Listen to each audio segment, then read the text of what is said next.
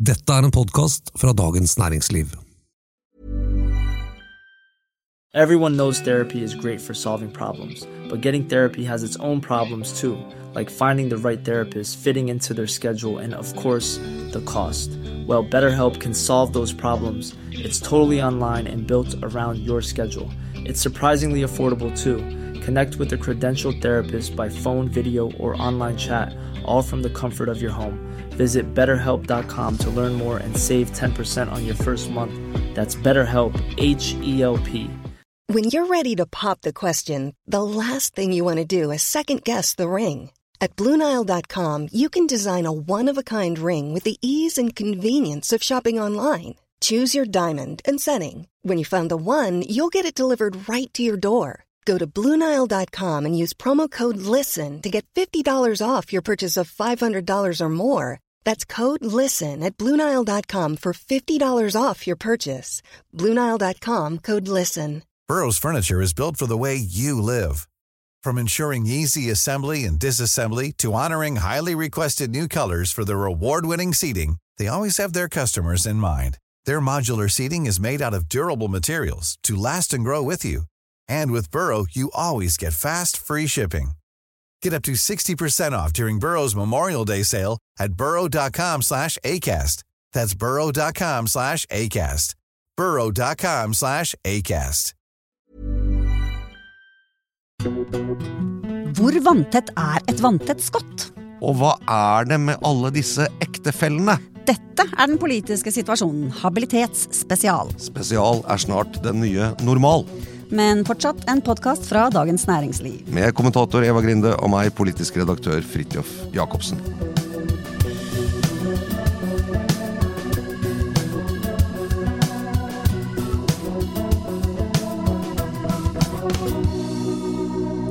Yes. Vi er i godt humør. Vi er i veldig godt humør.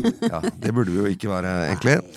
For det er jo alvorlige greier som har skjedd. Uh, vi er glade når vi har noe å snakke om. Noe som er viktig. Ja, og denne, denne siste kapitlet i, i habilitetssagaen, eh, som jo er i ferd med å bli fortellingen om Jonas Gahr Støres regjering i 2023, Ja.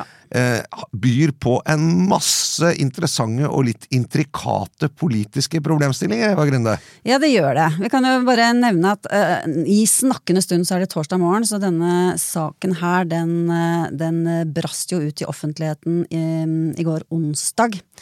Og det handler altså om utenriksminister Anniken Huitfeldt. Hvis mann har vært veldig, veldig aktiv i aksjemarkedet, viste det seg. Men det visste ikke hun noe om. Nei. Eh, og so far so good, får vi vel på en måte si. Eh, eller? Ja, nei, vel egentlig ikke. Altså, hun Ja. Hvor skal man begynne? Eh, Hun forteller jo at hun, eh, da hun tiltrådde som eh, utenriksminister, leste denne nå etter hvert så berømte politiske håndboken for statsråder eller for politikere. Um, eh, Og der står det jo at man skal være veldig forsiktig med handel i, i verdipapirer og aksjer, og spesielt enkeltaksjer. Og så snakket hun med mannen sin om dette, og så sier hun at hun visste at han handlet litt i enkeltaksjer, men mest i fond, og at generelt så var det ikke så veldig mye. Men hun, hun lot han lese det, og så sa hun at eh, visstnok så skal hun også ha sagt ligg i hvert fall unna våpenaksjer, for det kan bli problematisk for meg. Ja. Og dette brakte hun videre tilbake til utenriksråden, som jo har den derre faste samtalen med alle nye statsråder, ikke sant. Og sånn som det høres ut, så ble det bare liggende der. Og ingen stilte noe mer spørsmål, verken hun, mannen, utenriksråden eller noen, om denne aksjeaktiviteten til utenriksministerens eh, ektemann. Nei. Før Før nå. før nå, før eh, 6. august var det visst, eh, etter Ola Borten Moe-saken, som jo altså vår høyere utdanningsminister eh, måtte jo gå av av eh, at han hadde handlet i aksjer i Kongsberg Gruppen. Ja, og andre selskaper. Og andre selskaper, men det var jo det som var det mest problematiske, da. Ehm, og da kom hun på på en biltur på hjem, vei hjem fra ferie at hun skulle spørre ektemannen du, åssen er det med aksjer, er det noe problem med dine aksjer for meg og min habilitet som minister? Ja. Og da hadde han sagt nei, nei, det er ikke noe problem, for jeg har opprettet vanntette skott. Og der er vi tilbake til vår overskrift. Ja. For det som hadde skjedd, var altså at han eh, hadde en stund eh, hatt et eh, investeringsselskap. Eh, noe som er helt greit å ha, selvfølgelig. Eh, og der hadde han brukt penger som han hadde tjent i et IT-selskap han eh, er med å eie, til å plassere i ulike verdipapirer. En del fond, men også litt handling i enkeltaksjer, og, og litt sånn handlemønster som var litt sånn ut og inn. Ja. Prøvde å gjøre noen klipp, som det heter, i, i aksjemarkedet. På å liksom gå inn eh, rett før en kurs kanskje skal gå litt opp, og så gå ut igjen eh, og ta en gevinst. Litt sånn rask gevinst. Ja, det Eh, Heller ikke noe uvanlig aktivitet uh, i, i aksjemarkedet. Mange som driver med det. Daytrading og den type ting. Ja, ikke sant. I seg selv så er det jo ikke noe galt med denne aktiviteten her. Og da er vi snakk om i hvert fall noen hundre, eller over hundre, uh, transaksjoner da, i løpet av den perioden som hun har vært uh, utenriksminister. Men problemet oppstår jo fordi han er nærstående til en, en politiker som avgjør en god del ting som har mye å si for verdien av selskaper. Ja. Det, er det er jo der problemet oppstår, og det var jo derfor hun i det hele tatt snakket med han om det innledningsvis. For meg så ser det ut som hun har hatt en sånn idé om at ok, mannen min driver med et IT-selskap, og av og til så er det litt sånn utbytte der som han må investere, og det er bare en veldig liten bigeskjeft. Men så etter hvert som denne saken nå ruller opp, så viser det seg jo at han har vært veldig, veldig aktiv i aksjemarkedet. Ja, og tjent sånn- en del penger på det. Og tjent en del penger på det også. Og der tror jeg vi skal lære mer fra ulike medier i dagene som kommer om akkurat eh, hvilke, hvordan, hvor mye han har tjent osv. ikke sant. Og så er det jo slik at eh, han eh, og hun, da, eh, i hvert fall ut fra det hun forteller, det får vi si, vi baserer jo oss på den redegjørelsen som hun har gitt, som var ganske omfattende, eh, sier at ja, vi skjønte jo at at eh, som regjeringsmedlem så kan du av og til få informasjon som kan ha betydning for aksjemarkedet og for enkeltselskaper. Det, det husker vi jo med Borten Moe. Hvis regjeringen sitter og snakker om at eh, vi skal kjøpe masse ammunisjon som vi skal sende til Ukraina, ja da får eh, Nammo på Raufoss mer å gjøre, Kongsberg eier det, kanskje kursen går opp fordi de har mer business og større kontrakter. Eller det kan være ting som at regjeringen eh, lanserer en stor satsing på hydrogen, for eksempel, eh, og da vil jo selskaper som leverer til den bransjen, kanskje aksjekursen gå opp da, eh, basert på en forventning om at de kommer til å få mer å gjøre. Så, så derfor så kan regjeringsmedlemmer sitte med informasjon som er såkalt innsideinformasjon, som, som kan være egnet. Hvis du vet det, så kan du på en måte, før andre, så kan du handle på det og tjene penger, da. Sant? Ja, og så ser man jo for, meg for seg at et, et gift ektepar, liksom, der, er, der er det jo ikke faktisk noe vanntette skott sånn i hverdagen, får vi håpe, da. Eh, ikke sant? Sånn at der, der snakker man om eh, nyhetene, der er, står kanskje en laptop åpen, der blir det snakket i en telefon i et annet rom. Altså det er mye eh, informasjon som kanskje også uforvarende kan tilflyte da en, en ektefelle som driver storstilt aksjehandel uten å ha opplyst, ifølge, ifølge Anniken Huitfeldt selv, da. Hun vet ikke omfanget av, det, av den aksjehandelen som han driver med. Eller det kan komme en telefon på kvelden fra en eh, politiker som sier at eh, som eksempel maser om at nå må dere få på plass denne hydrogenstrategien, for det er viktig for min landsdel, eksempel. Eller, altså, Det er mange ting som kan tenkes, men Kanskje ikke akkurat men, utenriksministeren det, da, men altså det, ja. Nei, men, men som en, en av de viktigste politikerne i regjeringen, så, så er man jo også med liksom, på å utforme de litt større linjene for Arbeiderpartiets politikk. Eh, så, så ja, det er mange feller her, men, men Huitfeldt sier jo at eh, jeg har vært veldig nøye med vi, Altså vi, meg og min ektemann, vi snakker ikke om de tingene. Jeg har eh, hatt både som statsråd og som mangeårig leder av utenrikskomiteen vært vant til å håndtere eh, hemmeligheter, rett og slett, som jeg ikke kan fortelle. Og, og det for meg høres jo eh, i og for seg ikke så lite eh, Høres jo i og for seg troverdig ut. Kanskje ikke han syns det er så veldig interessant å høre liksom om intrikate diskusjoner i regjeringen når hun er hjemme innimellom. Og kanskje ikke hun syns det er så veldig interessant å høre han sier sånn Vet du hva, i dag så gjorde jeg liksom 400 000 på å gå inn og ut av Fairfield eh, seismikkselskap. Kanskje hun ikke er så interessert i det. Kanskje de snakker om andre ting, som familie og barn og ferier og det som mange ektepar snakker om da. Ready to pop the question? The jewelers at BlueNile.com have got sparkle down to a science with beautiful lab grown diamonds worthy of your most brilliant moments. Their lab grown diamonds are independently graded and guaranteed identical to natural diamonds, and they're ready to ship to your door. Go to BlueNile.com and use promo code LISTEN to get $50 off your purchase of $500 or more. That's code LISTEN at BlueNile.com for $50 off. BlueNile.com code LISTEN. Everyone knows therapy is great for solving problems, but getting therapy has its own problems too, like finding the right therapist, fitting into their schedule, and of course, the cost. Well, BetterHelp can solve those problems. It's totally online and built around your schedule. It's surprisingly affordable too. Connect with a credentialed therapist by phone, video, or online chat, all from the comfort of your home. Visit betterhelp.com to learn more and save 10% on your first month. That's BetterHelp, H E L P. Burrow's furniture is built for the way you live. From ensuring easy assembly and disassembly to honoring highly requested new colors for their award-winning seating, they always have their customers in mind. Their modular seating is made out of durable materials to last and grow with you. And with Burrow, you always get fast, free shipping. Get up to 60% off during Burrow's Memorial Day sale at burrow.com slash ACAST. That's burrow.com slash ACAST. burrow.com slash ACAST. Det vanlige. Ja.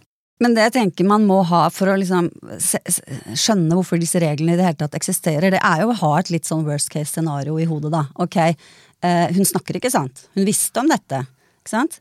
Eh, hun visste at han holdt på i aksjer, og hun, hun var klar over at hun satt på informasjon som kunne hjelpe deres felles familieøkonomi. Det er jo det som er eh, mistanken, ikke sant. Sånn at eh, det er jo det som gjør at dette her er et problem, fordi man kan gå rundt det, Skape et sånt inntrykk av at det er faktisk det som har skjedd. Og så må man jo da eh, sannsynliggjøre at det ikke har skjedd. Og det, eh, hun gjør det på den måten at hun, hun, hun legger alle kortene på bordet når hun først har fått vite om det, forteller åpent, sier at hun var dum, sier at hun ikke visste osv. Men allikevel, det står og faller på at vi tror på at hun snakker sant. Jonas Gahr Støre sier 'jeg legger til grunn at hun snakker sant'. Og enda mer overraskende syns jeg er at Økokrim rykker ut tre timer etter at denne saken er ute i offentligheten og at de legger til grunn at hun snakker sant. For det er jo, den, det, er jo det eneste de Hvorfor i all verden kan de avfeie at det faktisk har foregått noe sånt? Eh, det man burde gjøre, er jo helt nøye se på når ble, når ble transaksjonene eh, foretatt. Eh, sånn i forhold til for eksempel når solgte han seg ut av laks, lakseaksjer i forhold til når grunnrenteskatten ble varslet. Ja. Eh, da, da så du jo et sånn skikkelig fall, ikke sant. Eh, og det, det hadde jo vært litt betryggende å få en sånn ordentlig jeg, jeg tviler ikke på at det er en del næringslivsaviser som nå sitter og gjør akkurat den jobben, så kanskje Økokrim skal gjøre det rett for seg selv, men uh, Ja. jeg syns det er rart. Jeg synes, hvorfor, de kunne jo sagt det samme om Ola Borten Moe, som de nå etterforsker. Og kunne de ikke sagt 'jeg tror på han'? Men, men, og her er vi jo inne på det som er litt om habilitetens eh, Bare for å gjøre det litt vanskelig. Én ting er eh, Hvis hun har sittet og gitt mannen informasjon som er verdifull i aksjemarkedet, så er man jo en innsideproblematikk, noe Ja. som er straffbart Ja. eh, og ulovlig. Eh, Det habilitet er jo det Økokrim skal se etter, ja, ikke sant? og- det, og det så langt, så jeg, jeg, jeg syns Altså, det er jo Når hun har forklart seg, altså, vi må nesten legge til grunn at hun snakker sant når hun går ut og sier dette offentlig, at hun ikke lyver. Det, det tror jeg liksom er et sunt prinsipp. Eh, Ja, altså Jeg tror ikke politiet politi og påtalemyndigheten til, til enhver tid skal legge til grunn at eh, mistenk, mistenkte snakker sant. Men, men, men, men hun, en klar, hun er jo ikke mistenkt eller noe. nei da, men, men, nei eh, men du skjønner Ja, men har, og så har vi jo heller ikke sett noe ennå Jeg har i hvert fall ikke sett at noen har sagt at her er det veldig mistenkelige bevegelser med politiske vedtak og inn og ut av aksjer. Så, så, så vi, men, men det med habilitet er jo, er jo ikke eh, på en måte bare en sånn eh, Kravet til habilitet for statsråder. Og, her er vi jo inne i en sånn litt merkelig eh, ting. I utgangspunktet er det sånn at politikere på Stortinget eksempel, har veldig få eh, formelle krav. Der er det f.eks. ikke noe habilitetskrav eh, etter loven. Eh, fordi politikere er valgt av folket, når man vet hva de gjør, så er det liksom om de har tillit eller ikke, det blir på en måte avgjort av velgerne. Det er jo kontrakten. Og det, og det er jo et, i og for seg et sunt prinsipp. Hva mener du nå, habil i forhold til hva? Altså, Hvis du er stortingspolitiker, så er du per definisjon ikke inhabil. Da kan du handle så mye aksjer du vil og sånn, etter, etter loven. Du har lov til å gjøre hva du vil. Det fins ingen regler for, på hva du kan gjøre og ikke gjøre, men det er klart, du må jo svare for dine handlinger overfor Ja. velgerne. Det er velgerne som avgjør på om du er liksom verdig til jobben eller ikke.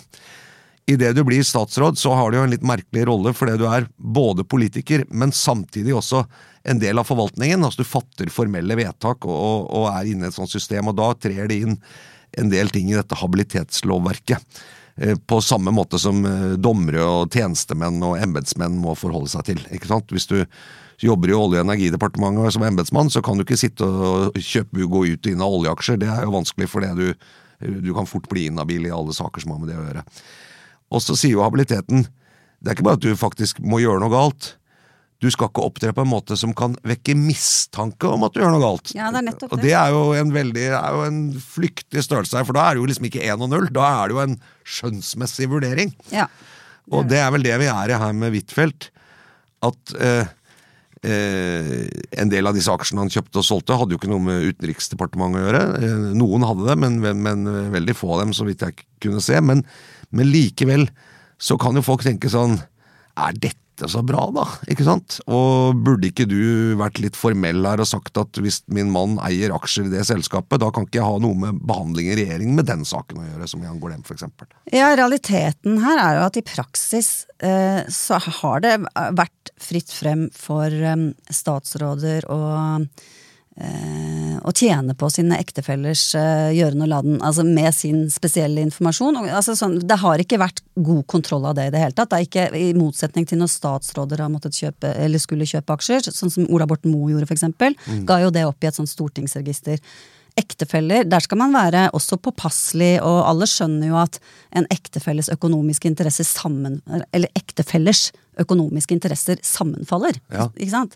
De har jo gjerne felles økonomi og bor i samme hus osv. Men, men, men her er det altså ikke vært et regelverk på plass. Som, som hindrer en berikelse via ektefelle, da. Og det har jo vært problematisert før, det.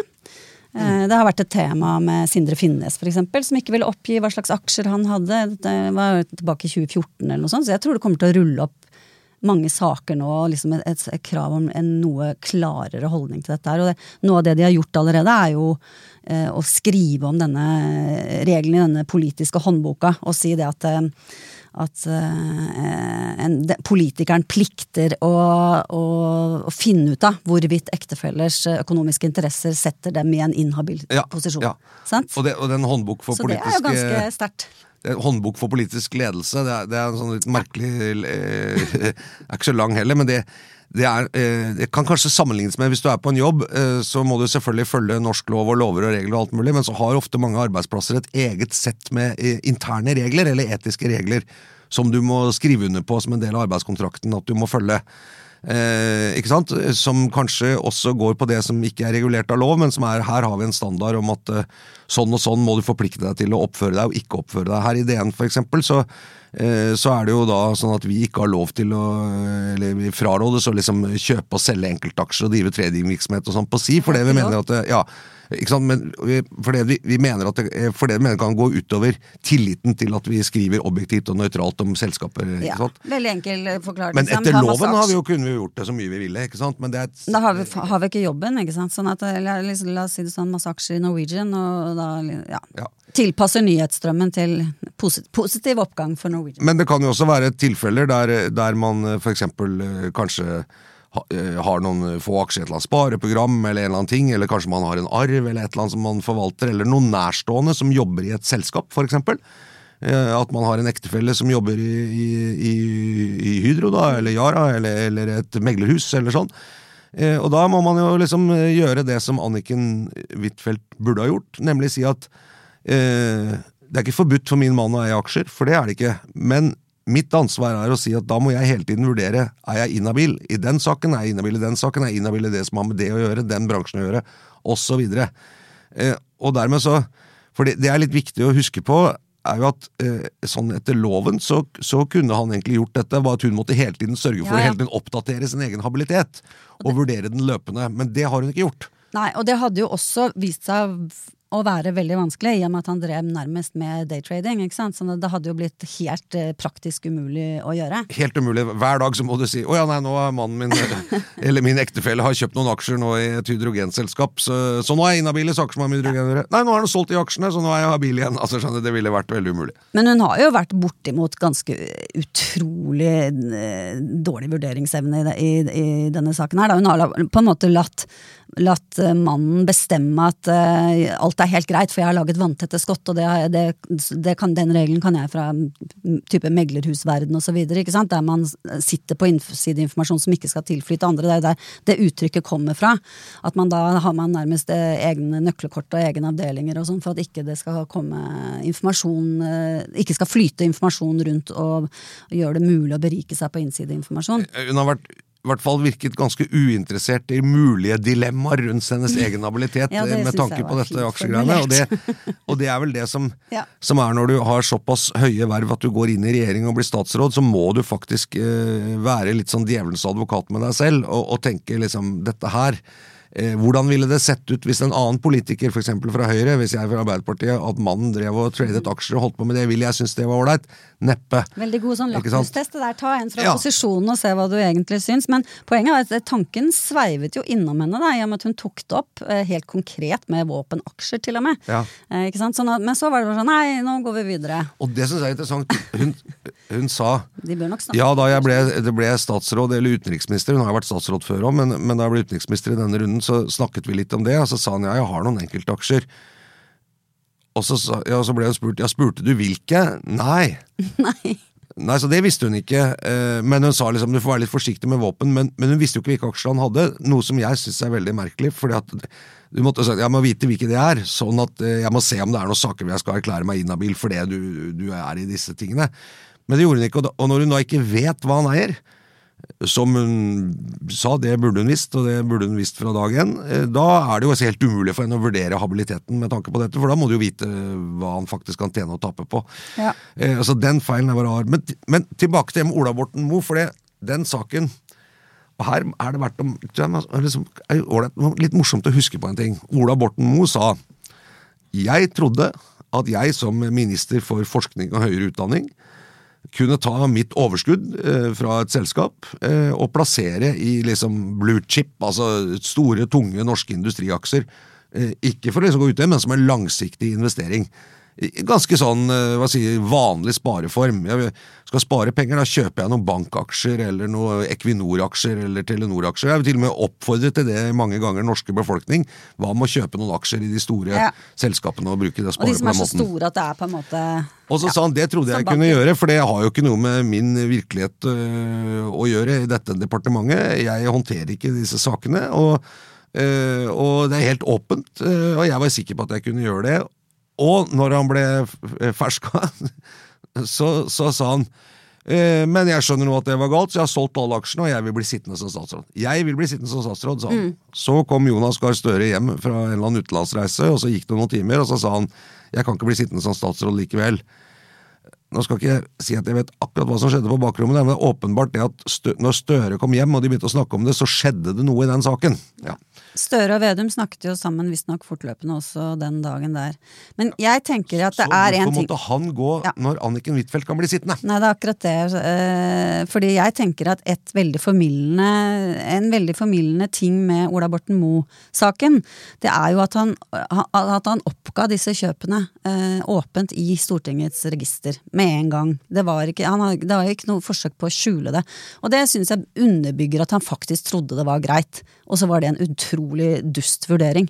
Eh, men det, det, det er liksom en annen sak. Men hvorfor, hvorfor skal det ikke kunne gå an å tro på han, hvis, man, hvis det er liksom så helt åpenbart at vi skal tro på Anniken Huitfeldt? Og der syns jeg både Jonas Gahr Støre og Økokrim har et forklaringsproblem. Ja, og får vi jo se nå, Det er jo en etterforskning mot Ola Borten Moe. Det er klart Hvis man ser at, at han har hatt informasjon som har gjort at han på en måte har valgt selskapet basert på innsideinformasjon, er det veldig alvorlig. Men, men inntil det, det er, Vi er bare på en etterforskning, og han er ikke siktet, han er bare mistenkt. Men, men, men det han gjorde, var jo Alle så jo at selv om du trodde dette var greit, så, så ser du at dette er jo sånn som er egnet til å svekke tilliten til eh, upartiskheten hos viktige politikere i Norge. Det er helt, det er helt ubegripelig at, at, han liksom, at, ikke, at ikke det slo han. Så da sier Jonas Gahr Støre dette burde du skjønt, det var helt åpenbart, og hvis du var i tvil, burde du rådført deg osv. Og, og når du ikke har gjort det, da kan du ikke være statsråd i denne regjeringen. Ferdig. Og da sa Ola Borten Moe jeg er ferdig i norsk politikk. Det var jo egentlig det han sa.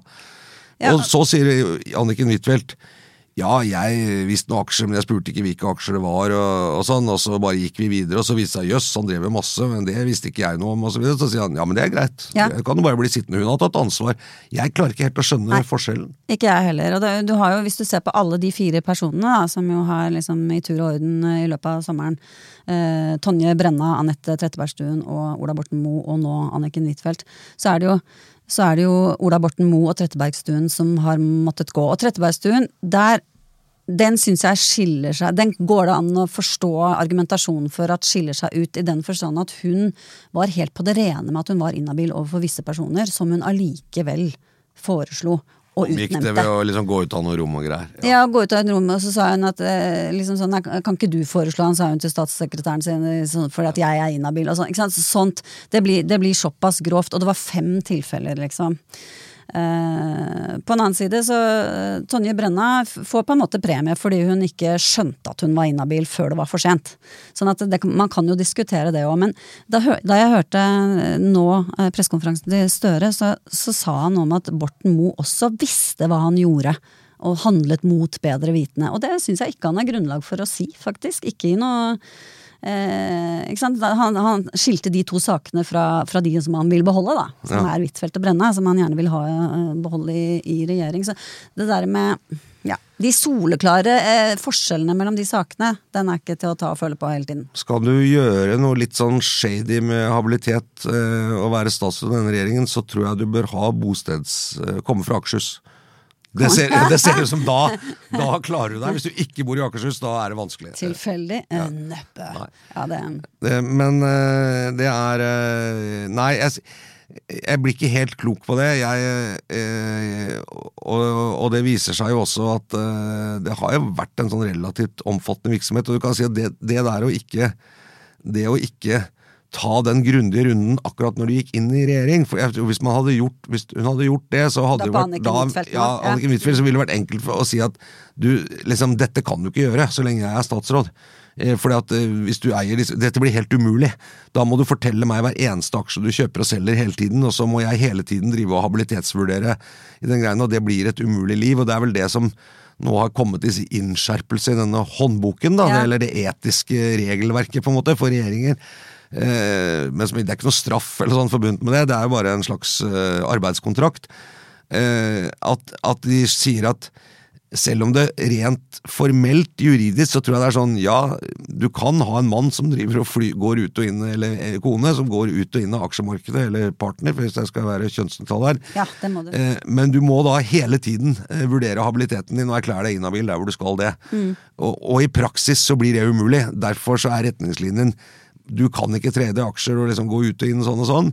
Du, eh, og det ektefellen din uh, må heller ikke gjøre det, eller din nærstående må heller ikke gjøre det, så lenge du er statsråd. Sånn er det. Ja, enig. Og jeg er litt tilbake til altså det der med Støres forklaring for, uh, på at um, på at Anniken Huitfeldt ikke, ikke behøvde å, å gå av. Det er fordi han sier at Det syns jeg er helt fantastisk argumentasjon, egentlig. Altså, nå har vi endret regelverket.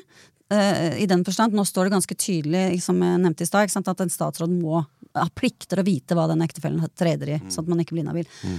Og så sier Støre og grunnen til at jeg tror på henne, er at jeg vet at dersom det hadde stått i reglene da hun fra før, da hun leste dem, så hadde hun ikke gjort dette.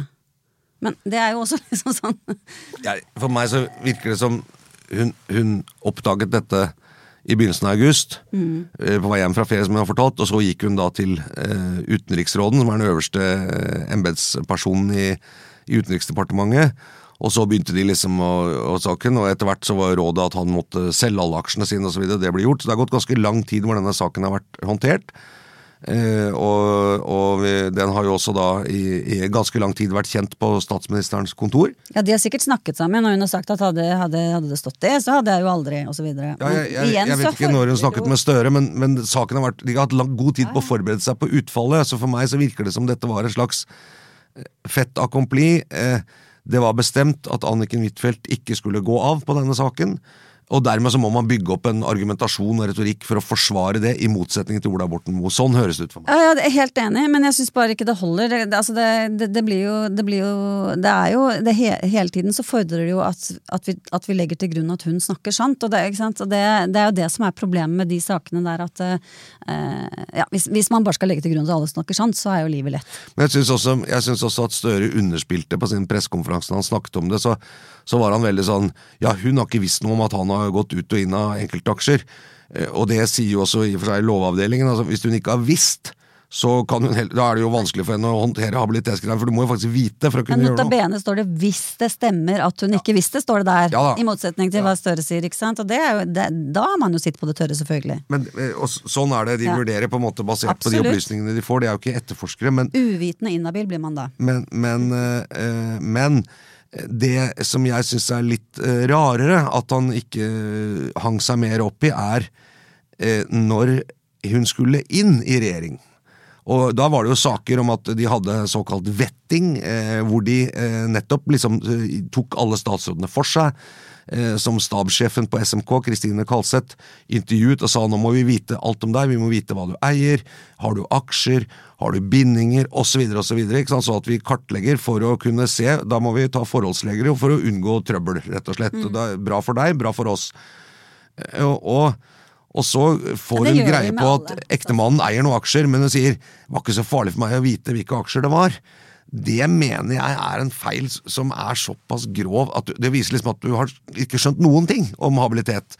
Og den eh, sier Støre nei, det er greit. Ja, det syns jeg kanskje er litt rart. Ja, men Der, der syns jeg det reflekterer også over på systemet som hun er å snakke med, både hos utenriksråden og kanskje også på SMK i egne samtaler, hvor hun sier, etter eget sigende i hvert fall, sier, sier, det som det er. At han har noen enkeltaksjer, men mest i, i aksjefond osv. Og, så og så er det ingen som plukker opp den tråden fra den siden heller. Og jeg tenker at det er eh, Ja, det er statsråd fulle og hele ansvar. og Sånn er det konstitusjonelt og alt mulig. Men allikevel, man behøver ikke bare være helt sånn der steinvegg og stum hvis man hører noe som ikke henger på greip fra en, fra en kommende statsråd. Så det tenker jeg og håper at er noe av det som kan komme ut av, av, av, den, eh, av den, saken som kontroll- og konstitusjonskomiteen nå jobber med, som går mer på systemet rundt. Men, er det bra nok? Men jeg, jeg reagerte litt på akkurat det, for at hun hun var riktignok litt forsiktig med å omtale dette med utenriksråden, fordi er, det er, du er veldig over sånn skylde på embetsverket, eh, som jo man ikke skal gjøre.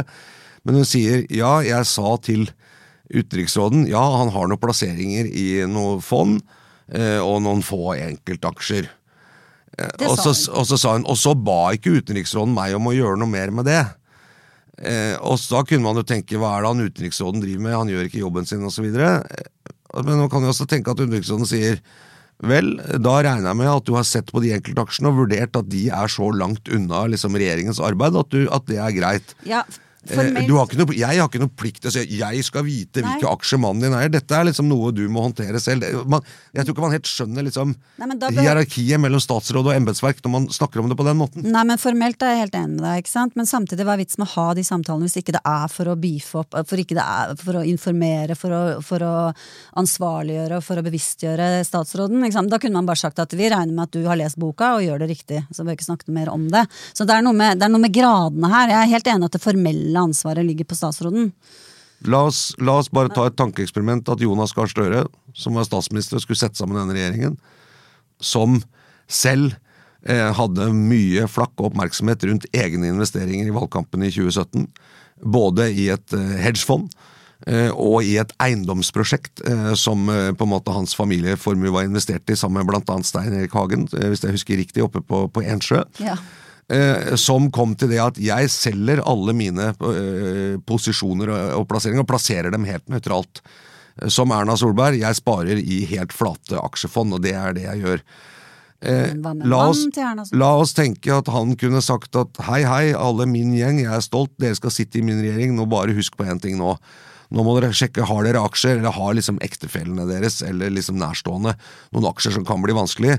Dere må vite hvor pengene er lær av meg, jeg visste ikke helt det, eller sånn frem og tilbake trøbbel, så du må vite hvor pengene er. Det er mitt ansvar, det er mitt råd til dere. Eh, og eh, Kristine Kalseth, stabssjef, kommer til å spørre dere litt sånn vanskelige spørsmål. Hvor har du sparepengene dine? Hvor er familien sparepengene sine? Eier dere aksjer osv.? Det har åpenbart ikke skjedd.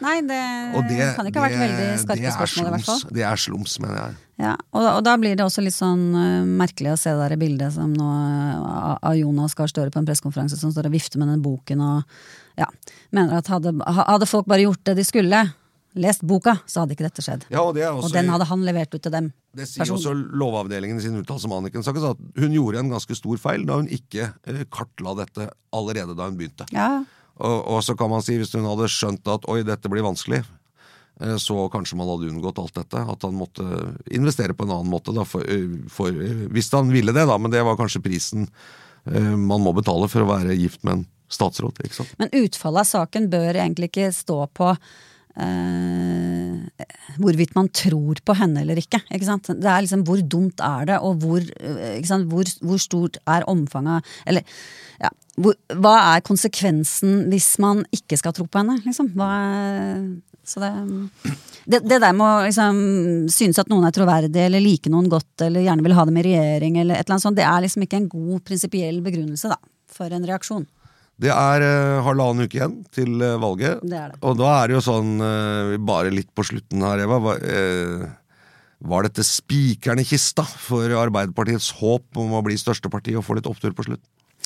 Nei, vet du hva, det syns jeg er utrolig vanskelig å slå fast. Jeg er litt usikker på om velgerne der ute, liksom i store og små kommuner, når de ser på sin, sin egen lokalpolitikk om, om liksom det her med, med hvordan de oppfører seg helt på toppnivå, spiller en rolle når de står inne i det avlukket og skal avgi stemmen. Jeg, det, men en ting som jeg har tenkt på, eh, og som jeg også i og for seg så uh, hun eh, Fjerdekandidaten i Arbeiderpartiet i Trøndelag, Trude Basso, eh, snakket jo litt om det her på, på NRK, eller var det TV 2, det husker jeg ikke.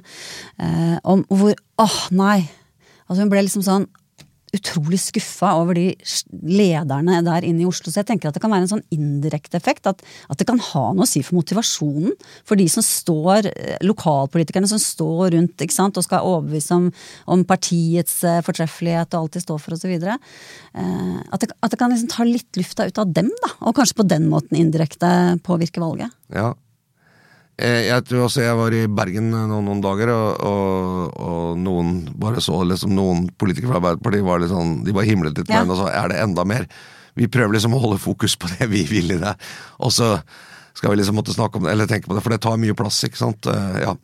Så jeg Risikofaktor med disse profilerte statsrådene, liksom. Det er ikke noe bra for å få, å få besøk av dem og sånn. Det, det er ikke bra. Ja, og særlig en som har vært såpass aktiv i Arbeiderpartiets partiorganisasjon som Anniken Huitfeldt. Hun er jo en av de som virkelig ofte står på med å ikke sant, å stille opp på stand og, og dra rundt i partiorganisasjonen og snakke. Og, altså, og ofte populært når hun kommer, det er mitt inntrykk hos mange. Så det, det er klart det er skuffende. Det er vel kanskje også litt overraskende for noen at en av arbeiderbevegelsens fremste representanter gjennom mange år da, at uh, en, uh, er liksom gift med en som driver og trader aksjer på dagtid. Det er, det er, det er liksom ikke sånn veldig klassisk uh, sosialdemokratisk familieliv at, at å være gift med en aksjetrader. Nei, i hvert fall ikke sånn sjablongene av hvordan vi ser det. Samtidig så er vi vel klar over at Arbeiderpartiet topper har det jo ganske bra og ja, grei økonomi og bor fint og Ja, ja. sånn stort sett, og hytter både her og der. Og, aksjetrading, liksom. Ja, aksjetrading er litt utpå der, jeg er enig i Vi har ikke noe mot aksjetrading i Dagens Næringsliv, selvfølgelig. Det, det må folk gjerne holde på med, men det er jo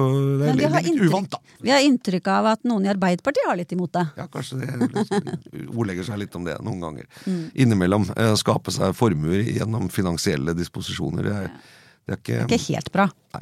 Men, men. Uh, nei, altså spennende. Er Bare uh, Senterpartiet og Ola Borten Moe de har jo faktisk fått litt mer sånn gass på slutten av valgkampen etter denne Ola Borten Moe-saken, så det er jo ikke akkurat noen sånn åpenbare kausaliteter her. Nei. Selv om vi tror det. Vi får høre, vi får vente på omdømmeekspertene og se hva de sier, og så det pleier det som regel å skje det motsatte. Men, men det som jeg syns var interessant, det var at liksom med Rødt, da, solbrillegate, liksom, den har jo blitt helt borte nå.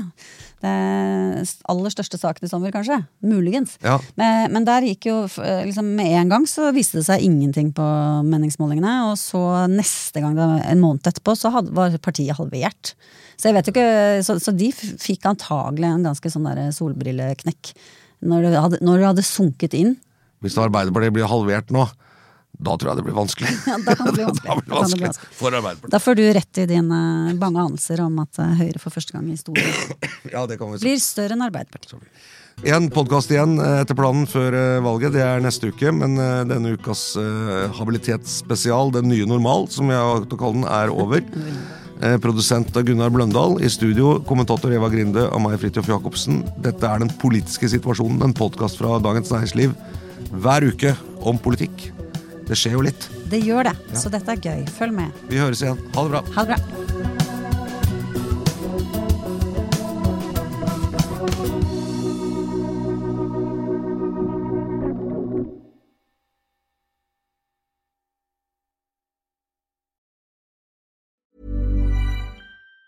Planning for your next trip? Elevate your travel style with Quince. Quince has all the jet setting essentials you'll want for your next getaway, like European linen, premium luggage options, buttery soft Italian leather bags, and so much more. And it's all priced at 50 to 80% less than similar brands. Plus, Quince only works with factories that use safe and ethical manufacturing practices. Pack your bags with high-quality essentials you'll be wearing for vacations to come with Quince. Go to quince.com slash trip for free shipping and 365-day returns. Du har nå hørt en podkast fra Dagens Næringsliv.